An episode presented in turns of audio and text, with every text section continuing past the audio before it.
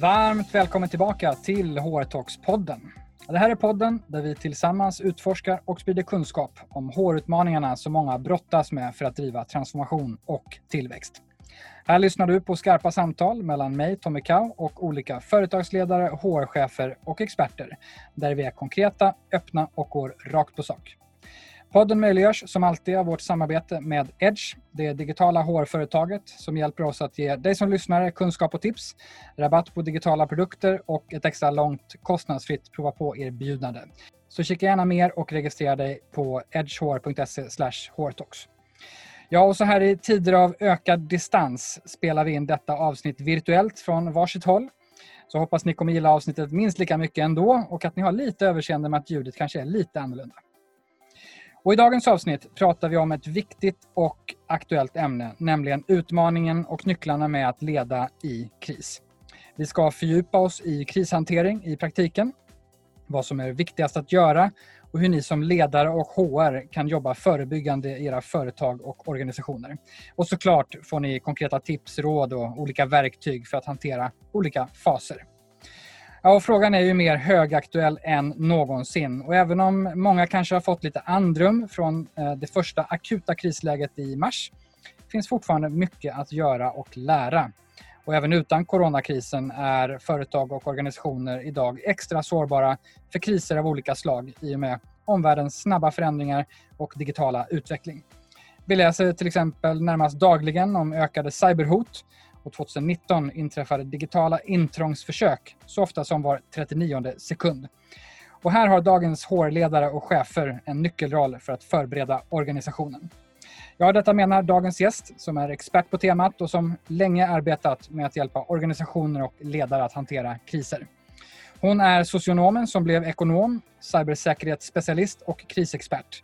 Hon har genom karriären stöttat några av landets främsta ledare och organisationer genom kriser med goda resultat och figurerar ofta som krishanteringsexpert i media och som en flitigt anlitad föreläsare. Hon har en bakgrund som bland annat Director of Cybersecurity på PWC och är sedan 2019 Head of Digital Channels på Swedbank. Hon utsågs 2018 till supertalang av Veckans Affärer och till årets IT-kvinna av Tieto och hon är författaren bakom boken Att leda i kris. Hon heter Caroline Rundqvist och nu drar vi igång dagens skarpa samtal.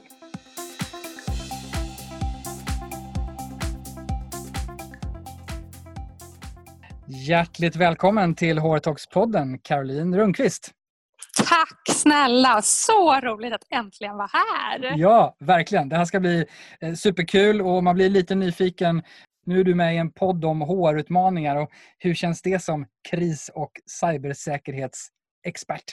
Helt naturligt, säger jag då. För de här frågorna handlar ju såklart jättemycket om eh, medarbetarna och ledar ledarskap och eh, ledarnas förmåga att leda organisationer och verksamheter genom kris. Så för mig känns det supernaturligt faktiskt. Som du vet går vi den här podden rakt på sak. Jag är lite nyfiken på vad tycker du är den största utmaningen för ledare, HR och organisationer i en Eh, närmast lamslående kris som eh, covid-19 och coronapandemin? Jag tänker nummer ett handlar ju om att som ledare känna sig trygg med att så här, okej, okay, givet situationen som vi befinner oss i och så vidare så har jag de verktyg eller kunskap eller kompetens eller nätverk som jag behöver. Det tror jag är jag tror många som gick in i covid-19 situationen just nu som har drabbats så oerhört många, de hade ju kanske inte arbetat eller lett en organisation genom kris tidigare. Men nu är det ju så många som gör det samtidigt på så liknande sätt oavsett vilken typ av organisation eller verksamhet man driver. Men just den där kunskapen och tryggheten som ju är en jätteviktig del. Att känna att ja, men jag har verktygen och det är inte enkelt och det är inte självklart om jag ska välja om jag ska gå åt eh, riktning A eller B men jag ändå känner mig trygg med tillvägagångssättet. Det skulle jag säga en sak. Och den andra grejen är alltid nästan kommunikationsdelen. Och då menar jag inte primärt den externa utan den interna kommunikationen. Hur ser man till att hålla sina medarbetare informerade, delaktiga så att de känner att de har den ja, information och kommunikation som de behöver för att sedan kunna driva liksom, den operativa verksamheten. Det tycker jag är en sån sak som jag ser att så många organisationer och ledare kämpar med. Men man blir lite nyfiken såklart på du som ser och genom åren har sett eh, många organisationer. Hur väl tycker du eh, svenska arbetsgivare eh, verkar vara rustade för det vi nu upplever? Vad, vad ser du? Det är svårt att ge ett generiskt svar på det. För, det. för det första så varierar det så otroligt mycket mellan olika branscher. Det finns ju de som är liksom regelverksdrivna att träna och öva och ha processer på plats. Och de är ju av naturliga skäl duktiga skulle jag säga.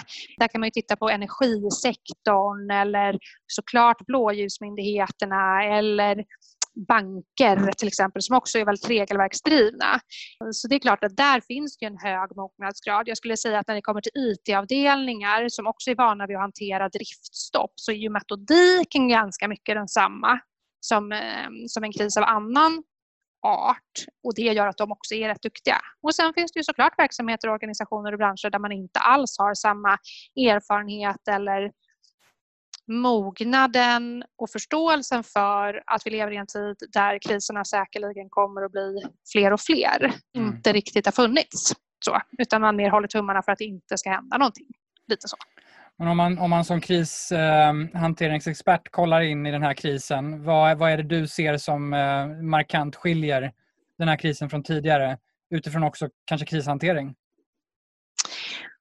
Nej men ja, den stora är ju att den påverkar så många människor, ehm, så många verksamheter, eh, alltså rakt över. Och det är ju länge sedan vi såg en kris i Sverige som gjorde det på det här sättet, eller i världen för den delen. Och som samtidigt också har den här känslomässiga ehm, komplexiteten därför att det handlar om hälsa och liv och död i förlängningen. Det skulle jag säga. Och det finns ju, jag tycker det finns mycket, mm, eller en hel del likheter med till exempel tsunamin och så vidare. Men eh, därför att den mm, berör då, även om den eh, påverkade direkt mycket färre människor så tycker jag att den berörde ju och känslomässigt lamslog på samma sätt. Även om det i det operativa och dagliga arbetet idag påverkar naturligtvis corona eller covid-19 då många fler personer.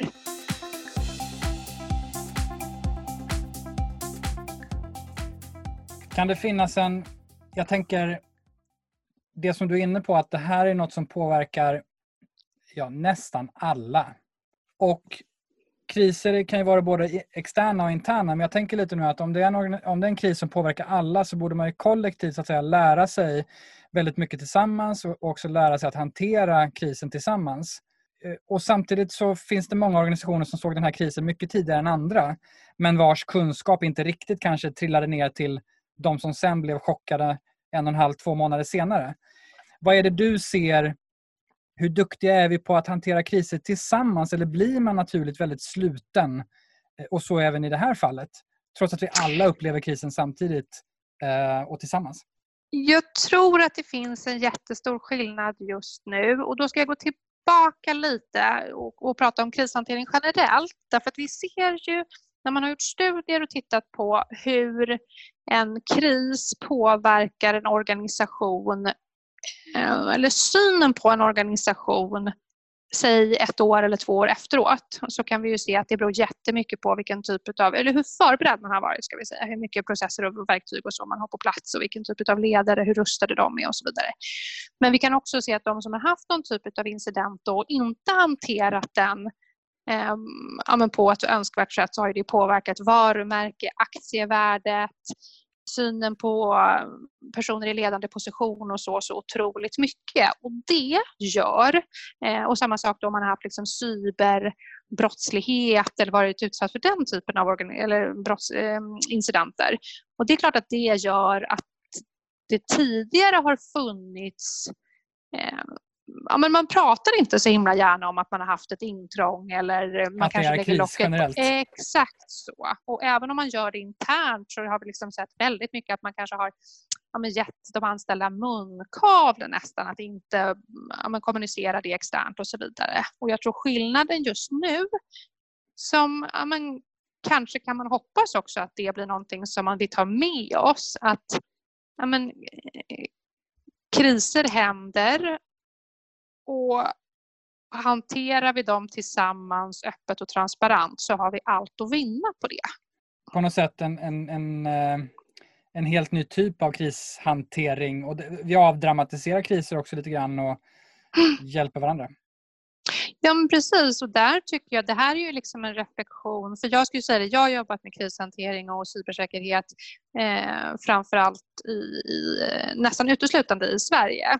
Samtidigt en, en, en betraktelse eller reflektion jag gör nu när man ser att ja, men, Sverige har haft andra typer av, man har inte haft samma typ av begränsningar utan mycket mer rekommendationer och så vidare. Så tror jag det också har att göra med eh, ja, att det här att man gör saker tillsammans och att jag vet inte om det är arv liksom från folkhemmet. Svenska folksjälen. Ja, men lite så att Ja. man också sådär vi behöver kanske inte riktigt i den utsträckning som massa andra länder som inte har den bakgrunden, de där reglerna och restriktionerna därför att vi har det där tillsammans med oss ändå. Och det här är liksom mer en spaning eller en fundering som jag har funderat över. Liksom. Ja, men den är intressant och det är ju, du nämnde ju transparens. Det vänjer vi oss nu väldigt snabbt att den blir och är påtagligt hög internt i våra organisationer. För att vi Exakt. måste vara transparenta, det finns ingen ledare som kan peka och eh, veta svaret och heller inte kanske sitta och hålla på det man tycker, tänker och vet. Men fortfarande så, så steget till att ha det agerandet externt, det, ja, men det kan vi kanske hoppas blir en effekt och kanske blir lite svenskifierat. För det är lite av Verkligen. ett svenskt drag. Mm. Ehm, Jag tänkte på, nu kom vi naturligt in på, på en fundering som jag hade inför vårt samtal och det är hur vi agerar i kris. Alltså om det finns olika stilar i krishantering och hur vi kan se hur dessa spelas ut nu. Du var inne på de nationella stilarna kanske, men om man pratar lite mer kanske eh, utifrån ledarskap och organisationer och, och, och krishantering. Vad, vad, finns det någonting där? Ja, men det gör det absolut. Och jag tänker att det är ju som ledare väldigt viktigt att ha med sig en förstå- förståelse för det. Att om man ska generalisera så finns det i storleksordningen tio, brukar man säga, olika strategier som människor tar till för att hantera en kris. Och det kan ju vara allt ifrån att man eh, ja, men, eh, blir väldigt analytisk, lite paralyserad, fastnar i analysfasen, kommer inte vidare i agerandet. Det skulle kunna vara ett exempel till alla de här som vi ser som liksom blir hjältar eh, för att de Ja, men in, I början av eh, covid-19 så var det liksom alla de här personerna eller restaurangerna eller så vidare som levererade mat till sjukhusen som blev hjältar för att de ville agera fastän uppdraget kanske från början var att hålla sig hemma och minska smittspridning så handlar ju det inte om... Det är också en strategi för att hantera en kris eller en extremt pressad situation. Då då.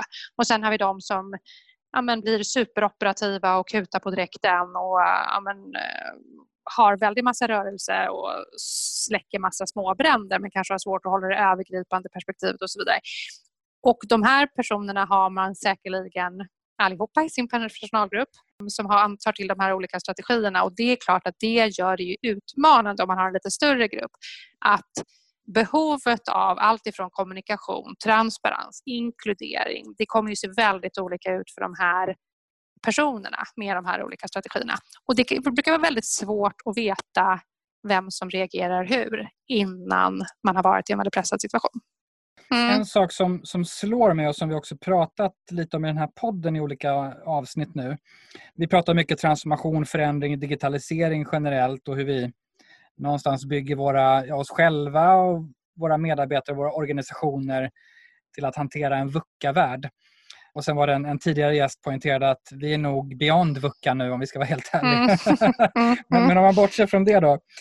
Eh, den omvärlden vi har, du är väldigt tydlig att krisrisken aldrig har varit så hög som den är i vår, vår nutid. Hur, hur hög, liksom, om man tar på det där lite grann, hur hög krisrisk ska vi vara beredda på, om man uttrycker sig så, i, i, i dagsläget?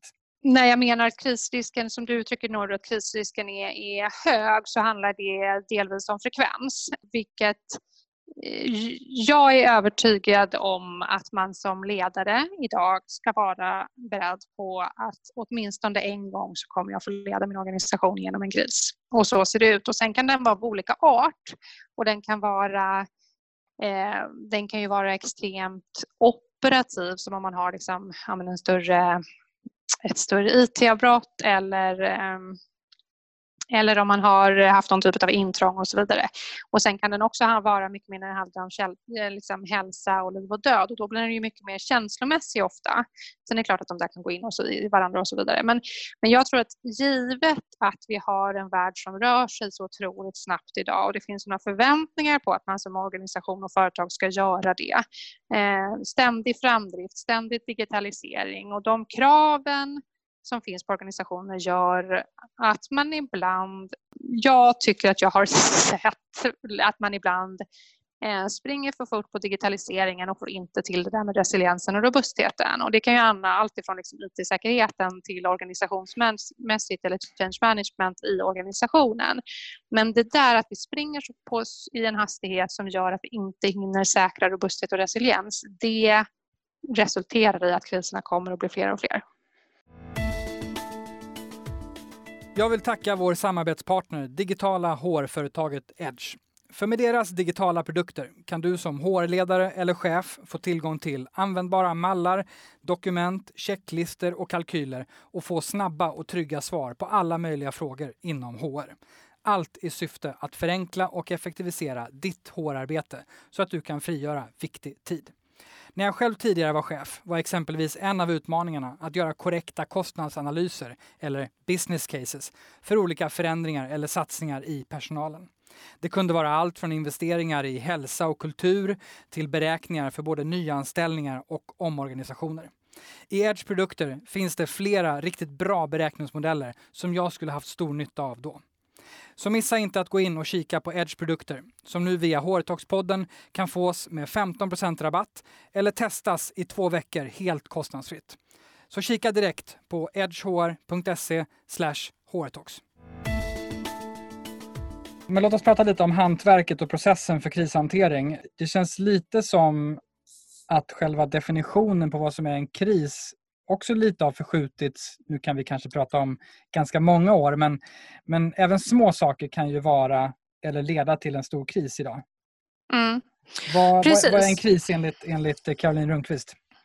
jag skulle säga att den definitionen på en kris är eh, när man inte kan hantera en situation som har uppstått med vanliga, eh, i vanliga processer eller med vanliga arbetssätt eller resurser. Så egentligen allting som inträffar som går utanför det är en kris. Så det behöver ju liksom inte vara synonymt med eh, förstörelse eller eh, liv och hälsa utan det kan handla om andra saker när krishanteringsprocessen adderar jättemycket värde.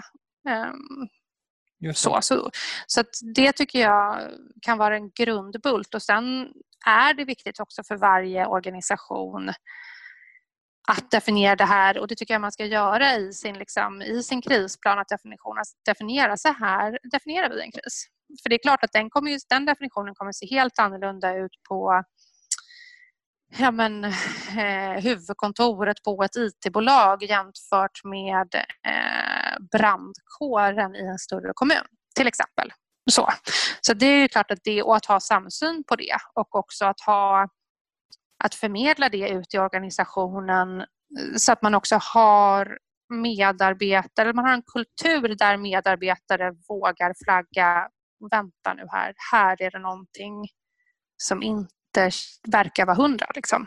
För ofta är det ju så, nu är ju liksom eh, vissa kriser upptäcker man ju med dunder och brak och det inträffar någonting som helt plötsligt bara är där man måste förhålla sig till. Andra kriser kommer ju väldigt smygande och det handlar om att man kanske får en ledtråd efter en efter en och att då liksom i ett tidigt skede förstå okej, okay, vi behöver nog koppla in krisprocessen.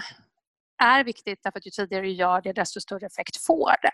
Det, det är just, just att definiera vad är en kris och sen så få ut det där i kulturen. Att, eh, så att alla vågar liksom, ja, trycka på knappen eller dra i klockan och titta på är det här någonting vi behöver undersöka om det är en kris eller inte. Som en del av förberedelsearbetet att, att ingjuta i organisationen hur en kris i den här organisationen ser ut. Vad är det vi definierar som kris så att man är förberedd och kan identifiera den.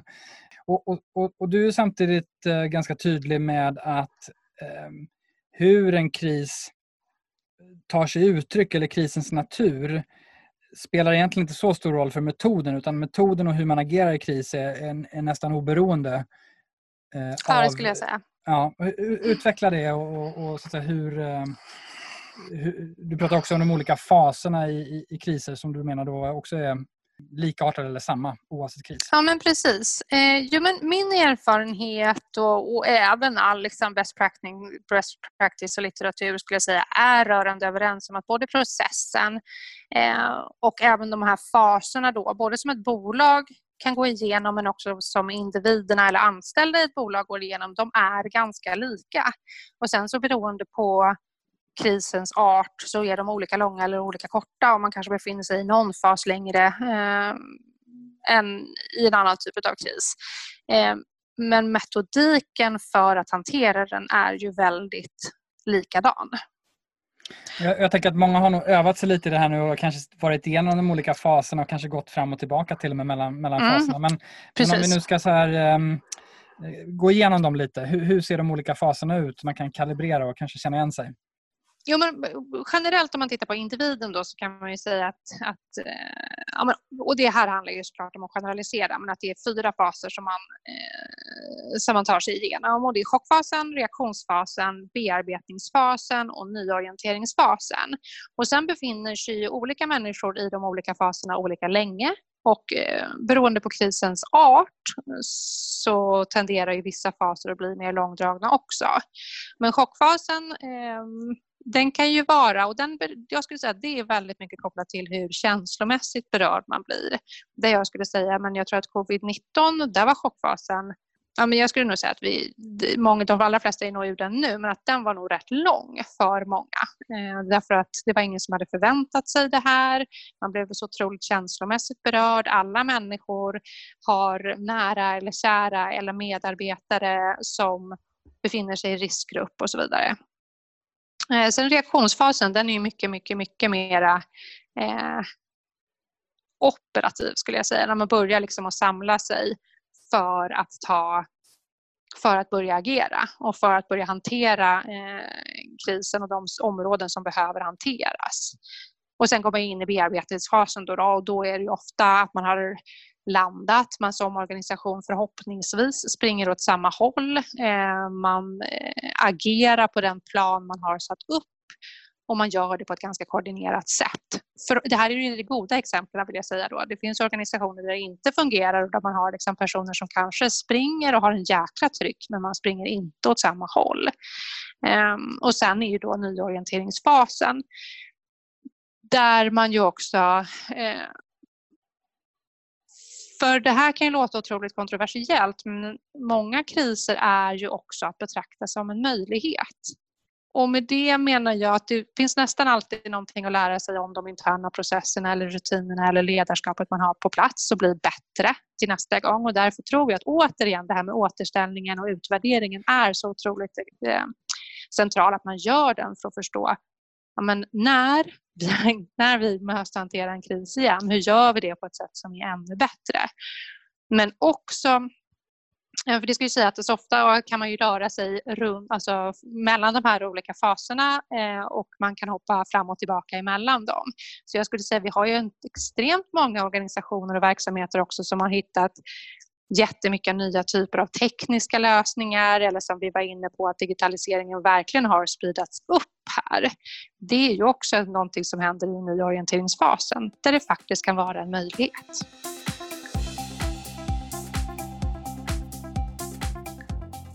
Sen finns det ju någonting som många sitter med, eh, har suttit med framför allt, det är ju krisscenario eller scenarioplanering utifrån hur krisen utvecklar sig eh, och planering därefter. Från dig med din erfarenhet, finns det några eh, medskick kring hur du på ett bra och effektivt sätt jobbar med krisscenarion och planering mm. i ett sånt här läge? Ja, men jag tänker att det finns, eh, det finns ju två perspektiv. Dels så finns det det som man kan göra proaktivt, det vill säga när, alltså att man har vanliga krisövningar. Eh, och där man kan ha antingen liksom en skrivbordsövning där det handlar om att man ska ha ett lärande resonemang och, och, och resonera sig kring ja, men, om A och B och C händer, hur ska vi agera då? ofta gör man det i en ledningsgrupp eller i eh, krisledningsgruppen. Och sen finns det också att man kan öva då med simuleringsövningar. Det handlar om att man försöker skapa en situation som är så lik en krissituation som möjligt. Vilket går jättebra att göra även om det eh, på ett teoretiskt plan låter som att det skulle vara svårt. Mm, så det är den ena, ena grejen och där är också mognadsnivån väldigt olika därför att mass, en del typer av branscher som vi var inne på tidigare, de har ju regelverk, alltså de har krav på sig eh, ur ett regulatoriskt perspektiv att de ska genomföra övningar. Då. Men, men att göra det här eh, under krisen kontinuerligt, för mig handlar det om att göra en, en lägesbild och att förstå dels men, vilken och jag brukar göra det då med liksom en vanlig fyrfältare som innehåller fyra stycken fält. Så den första handlar om fakta. Men vilken fakta har vi om situationen? Och det kan ju låta så enkelt att skriva ner det, men det är inte det. Och det är liksom jätteviktigt att sortera med vilken fakta har vi vad är bekräftade källor? Vad är saker som media rapporterar som vi inte vet någonting om? Eh, och så vidare. Och sen i nästa fält då skriva ner med vilka antaganden kan vi göra om situationen. Och det handlar om att givet den faktan som vi har skrivit ner och givet vår samlade erfarenhet och kompetens i rummet, vart tror vi att den här situationen kommer att ta vägen? Och det handlar om att göra ett, ett och jag brukar säga, för alla brukar alltid fråga, men hur hur pessimistisk eller optimistisk ska man vara i det där? Jag brukar säga men att köra ett, worst, ett rimligt worst case scenario brukar vara ganska bra. För då planerar man och sätter in actions utifrån det. Och det är alltid bättre att skala ner än vice versa. Men jag tänker och det, att det känns som att många har övat sig i nu. Och jag tänker att, att den här metodiken blir extremt Eh, för sen då tittar man på ja, inriktning och actions då på det. Ehm, och, och, jag tänker att göra den här kontinuerligt, det är ju inte någonting som man gör första dagen eller första, liksom, de första brinnande veckorna under en kris, utan den behöver man göra kontinuerligt och titta på men hur förändras situationen. Och är också extremt bra att ha som dokumentation. Och så gör man den där och så skriver man på liksom, datum och klockslag och så kan man också titta då i lärdomarna sen att Ja, men därför att när, om man fattar felaktiga beslut, vilket ju händer i en krissituation, som man behöver styra om längre ner på vägen, så kan man också gå tillbaka och titta på att ja, men baserat på den informationen vi hade just då, så fattade vi ett helt okej beslut. Sen visste vi massa mer saker en vecka senare och då blev det jättetydligt att det var knasigt att gå åt det hållet eller fel beslut. Men det blir den det blir också jätteviktigt för eh, både utvärderingen och återställningen men också just då med det här med scenariotänket tänkte jag. Att liksom ta höjd för vart tror vi att krisen kommer ta vägen. Otroligt mm. eh, värdefullt konkret verktyg som man ju kan uppdatera närmast på dagsbasis om man behöver det. Verkligen. Eh, eftersom det just i den här krisen åtminstone sker saker på tim och dagsbasis. Ja, och den, ger, den är också ett bra verktyg för att ha samsyn i gruppen och ha som underlag för kommunikationen så att man just inte har det där, hamnar i det där läget när olika människor springer åt olika håll. Utan då, men då har vi definierat det. Det här är det vi har definierat som fakta. Um, bra verktyg. Eh, tack så mycket Caroline. Vi ska börja avrunda och skicka med några slutgiltiga tips. Om du eh, ändå skulle försöka dig på att ge tips på en sak som lyssnarna ska ta med sig att man ska göra riktigt bra när man hanterar en kris. Vad tycker du att det ska vara? Får jag säga två? Allt är förhandlingsbart. Varsågod. Ja, men vad bra. Då säger jag två saker. Ett, eh, våga fatta beslut. Se till att du har tillräckligt mycket kompetens och, eh, eller förmåga att våga fatta beslut. Nummer två är eh, agera på ett sätt som ligger i linje med bolagets och dina egna värderingar. Mm. Klart och tydligt. Eh, tack så mycket. Finns det några övningar som du eh, vill tipsa om eller eh, sätt att fördjupa sig? Nu kan man läsa din bok Att leda i kris såklart. Där finns det en hel del. Vad, vad vill du tipsa om mer? Eh, nej men jag, jag vill slå ett slag för den för jag tycker att den är väldigt bra. Sen om man är intresserad på området så tycker jag, har ju läst till exempel Lotte Knutssons bok Nödrop. Även om den har ett par år i nacken så tycker jag det är ju väldigt mycket skolboksexempel. Eh, så den tycker jag är väldigt bra. Och sen finns det en hel del forskning och studier som man kan nörda i sig, ner sig i. Eh. Finns det referenser till det i din bok? Absolut. Jättebra. Och vi har varit inne på ett antal verktyg man kan eh, träna sig i och eh, öva sig i. Så det skickar vi helt enkelt, eh, helt enkelt med. Stort tack till dig Caroline Rundqvist för att du ville vara med oss i HR-talks-podden. Det har varit ett, eh, ett nöje att få nörda ner sig lite mer i, i hur man leder i kris och jag tror oerhört eh, nyttigt. Tack snälla för att jag fått med mig. Det var ännu ett skarpt samtal i HR-talks-podden. Stort, stort tack till dig som lyssnat och gillar du podden får du hemskt gärna prenumerera på den och betygsätta den i Apple Podcast eller Spotify. Följ oss, det kan du göra på HR Talks-podden på Instagram och LinkedIn.